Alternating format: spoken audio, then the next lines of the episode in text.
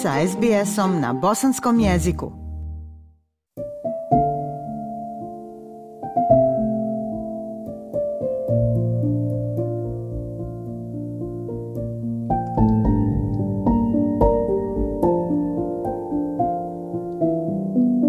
Slušate SBS program na bosanskom jeziku. Ja sam Aisha Hadži Ahmetović.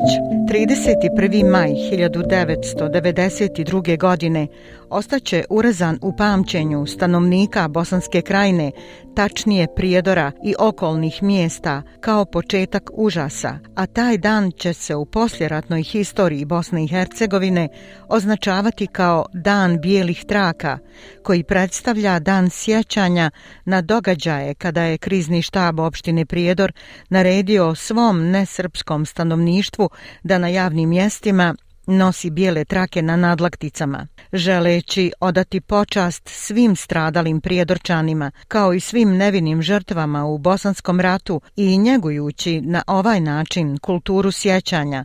Razgovaramo danas sa gospodinom Senadom Jusufovićem, aktivnim članom Bosansko-Hercegovačke zajednice u Melbourneu, to jest vrijednog neformalnog udruženja Prijedorčani. Gospodine Jusufoviću, hvala vam što ste se odazvali pozivu da razgovaramo. Dobrodošli u program SBS-a. Hvala vama na pozivu i čast mi, čast mi je razgovarati s vama i ujedno podijeliti ove naše, naše tužne i bolne dane sa SBS radijom i sa slušalcima SBS radijom. Ovih majskih dana Bosanci i Hercegovci, kako u prvoj domovini, tako i širom svijeta, obilježavaju teške godišnjice, oživljavaju sjećanja na ratna stradanja, na progone, ubistva, mučenja, logore, a prije par dana, tačnije 25. maja, na nekadašnji dan mladosti, Tuzla je žalila za 71 mladim ugašenim životom. A mi idemo u susret 31. maju, danu bijelih traka. Gospodine Jusufoviću, kako udruženje Prijedorčani iz Melburna obilježava ovaj dan? vodeći se, vodeći se našom, našom vjerom, pošto ovdje smo, ovdje smo uglavnom i, i tad su uglavnom bili pretjerivani bošnjaci muslimani. Mi to obilježavamo najčešće u klubu našeg islamskog centra u Dija parku učinjem tehvida, to jest jasina i, i, i sjećajući se, sjećajući se naših najboljih sinova i kćeri koji su dali svoje živote za, za domovinu i poslije toga je malo u kafu sjednemo, razgovaramo i sjetimo se svi u njih uz dobe i, i, i pokušavamo jedni druge da, da izvučemo iz toga, jer svakome je taj dan e, srce, srce krvari ponovo, jer svi mi imamo nekoga svog koji je stradao tih dana u, u, u našem, našem vodenom gradu Prijedoru i okolici. Svake godine nešto nešto se drugo nešto se drugo organizuje. Imali smo imali smo o, svake godine bude bude izložba slika iz logora Omarska Trnopolja i, i, i stratišta Tomašće koja je najveće stratište poslije drugog svjetskog rata to je grobnica, grobnica koja je pronađena. Tu su imena imena to dvoje ubijene, ubijene djece prijedora kojima još uvijek. Nema ni spomenika ni nikog, nikog ovaj, e, označenja niti, niti prijedorske vlasti to još uvijek dozvoljavaju. Ali borimo se mi ovde i pomažemo svojima dole da, da da dođemo do tih rezultata. Da napomenemo za naše slušaoce da je tokom rata u Prijedru ubijeno 3176 ljudi, među njima 102 djece, a na desetine hiljada muškaraca i žena prošlo je kroz logore Omarska, Trnopolje i Keratem. Svaka ova godišnjica je jako teška, a vi je eto već godinama obilježavate. Otvaraju se stare rane, rane koje nisu nikada zapravo ni zacijelile. Vrijeme neumitno prolazi, već je 31. godišnjica od početka progona Prijedorčana, Banjalučana, Sanjana, Novljana, Ključana, Saničana, Petrovčana, dakle svih krajišnika koji su rat iskusili na najsvirepiji način. Recite nam, gospodine Jusufoviću, kako vi doživljavate ovaj 31. maj? Sa tugom, sa velikom tugom i, i, i, i, i žalošću, žalošću, pošto se javljaju, javljaju ponovo te emocije, te uspomene. Mi to živimo uvijek, ali taj dan, taj dan to baš izire, izire iz, iz, iz nas. što kažeš, ubijeno je samo u civila 3176, ubijeno je 256 žena, 102 djeteta. Jedan je život puno, a kamoli, a kamoli toliki, tolike cifre, toliki brojevi. I nesvatljeno nam je još uvijek posle tolikog vremena da ljudi još uvijek ne, ne mogu doći sebi, kad kažem ljudi, mislim na, na, na naše sugrađane u prijedoru pravoslave i vjeroispovijesti, da smognu snage i, i priznaju zločin, to je da, da počnu suosjećati s nama, jer vidimo šta se dešava u svijetu i svugdje, evo sad je bilo ovo u, u Srbiji, ubistvo te djece i toga. Mislim, ne može čovjek biti ravnodušan kad se gube mladi životi, a kamo da bude ravnodušan na, na tolikom broju, ali još uvijek ne, ne dobijamo, ne dobijamo odgovor, pozitivan odgovor od naših sugrađana. Nadamo se da će, da će Katad da, da proradi svijest. U Prijedoru je protjerano, iz Prijedora je protjerano 53.000 muslimana i svega koliki je zločin pokazuje i to da je 28 osuđenih za ratne zločine na, na, na području Prijedora i na području to pokazuje stradanje, koliko je bilo stradanja. I ja bi, ja bi rekao da je, da je u stvari genocid nad Bosnom i Hercegovinom počeo u Prijedoru i Krajini a završio se, završio se u Srebrenici. I čitava je Bosna u stvari genocidom uprljana i, i uprljana. Da li ste upoznati šta je planirano u Prijedoru ove godine za 31. maj? Do sada je inicijativa pod nazivom Jer me se tiče uvijek organizovala mirovnu šetnju kroz grad i njihova stalna aktivnost je da se pobijenoj djeci Prijedora izgradi spomenik. Možete li nam reći po vašem saznanju dokle se stiglo s tim?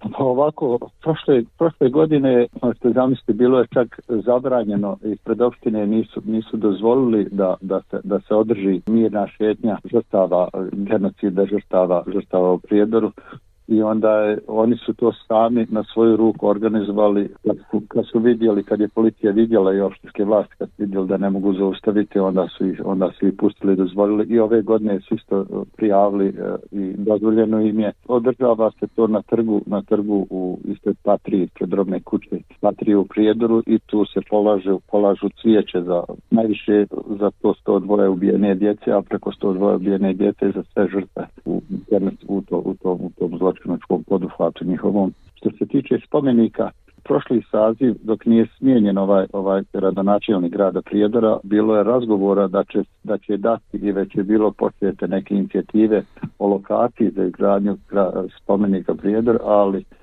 njenom vlasti dolaskom opet drugih sad, sad je opet to sve zaustavljeno i nema govora, nema govora da se to uradi ali pored tog svega povratnici ljudi koji se vratili u Prijedor žive ponosno, žive svoj život, organizuju se, imamo tamo dobre rezultate i, i, i pokušava se, pokušava se vrati, vrati na, u svoje, na svoje, e, sa ponosom.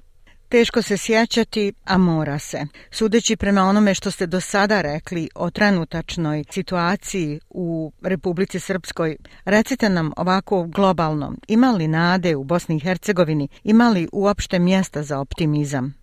Mjesto za optimizam mora biti. Mi smo po prirodi Bosanci Hercegovici takav bića da, da, i, da ne može nam to niko oteti i ne može nam niko to oduzeti i, i Bosna je to dokazala svojom vjekovnom, vjekovnom postojanošću da ima svu snagu i, i komociju da će opstati i, i ostati samo pitanje vremena koliko će uzeti jel, bez, bez vraćanja na, na Bosnu i Hercegovinu, pravu izvornu Bosnu i Hercegovinu kakva jeste ukidanja te republike Mrske, tu neće biti života, a to ide jako teško, jako sporo, ali vrijeme će, vrijeme će sve pokazati i sigurno da, da ima optimizma i optimizma će opet uvijek.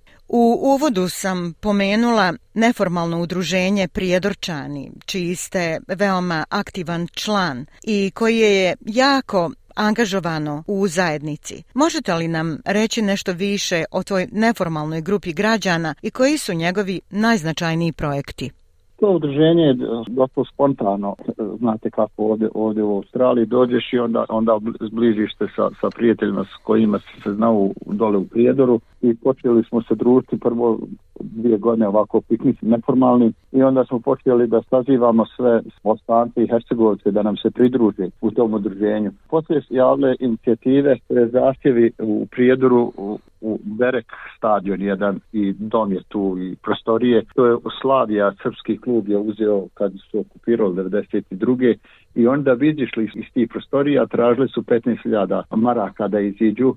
Naši ljudi nisu imali normalno dole ta sredstva i mi kao prijedočan odavde iskupili smo sva ta sredstva i isplatili tu slavi da iziđe tako da danas, hvala Bogu, u starom gradu i u Raškovcu iskupljuju se naši, naši ljudi u tim prostorijama i Berek, futbolski klub Berek ponovo igra u, u, u Lizi u kojoj, u kojoj već igra, ne znam koja je liga, nije bitno. Onda smo po, pomagali kad je osnovana narodna kuhinja, kupili smo i sve šparet, frižidere, sve što je trebalo za narodnu kuhnju. Iskupili smo do sada minimum oko 150 do 180 hiljada dolara i odnijeli iz ruke u ruku dali potrebnim licima u prijedoru starima i iznomoćnim. Stipendiramo neke učenike i danas dani stipendiramo neke učenike ovaj koji nemaju dovoljno sredstava, koji su u prijedoru, vratili se sa svojom familijom i žive. Tako da tih aktivnosti ima jako puno jedan od najvećih projekata e, je, je i, i financiranje filma Prijedorska polja smrti od Avde Huseinovića. Mi smo odavde financirali to i doveli ga ovdje. Imali smo promociju tog filma u Citiju na, na Federation Square. Tako da pokušavamo pomoći u, ovdje se družeći, a ujedno da pokušavamo pomoći dole našim, našim ljudima koliko je potrebno. Srca starije generacije Bosanaca i Hercegovaca ovdje u Australiji življe zakucaju na pomisao o prvoj domovini Bosni i Hercegovini, a mlađe generacije uče o toj ljubavi. Šta biste vi poručili svima? Poruka bi bila da se istina uvijek govori, istina i samo istina. Oni lažima pokušavaju da, da e, relativiziraju činjenice, da izjednače agresore i ubice sa, sa žrtvama što je nemoguće i kako oni jače, jače pokušavaju to, mi još jače moramo samo sa istinom govoriti čitavom svijetu i, i, i mladima reći i oni to već znaju, hvala Bogu, i idu tim putem da, da, da znaju ta istina, znaju razgledati istinu od neistine i neistina nikad nije pobjedila, pa neće ni sada. Zahvaljujem vam se na ovoj poruci gospodine Jusufoviću i na ovom razgovoru. Želim i vama kao i svim prijedorčanima puno uspjeha u daljem radu, elana u borbi za istinu, kao i plemenitoj aktivnosti čuvanja sjećanja na teška vremena i obilježavanju Dana bijelih traka. Hvala vam na razgovoru i mogućnosti da, da progovorimo koju riječ o, o ovim strašnim događajima koji se desili u našoj dragoj domovini i slučajno.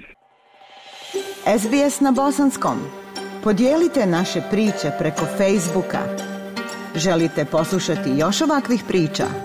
Slušajte preko Apple podcasta, Google podcasta, Spotify ili kako god da primate svoje podcastove.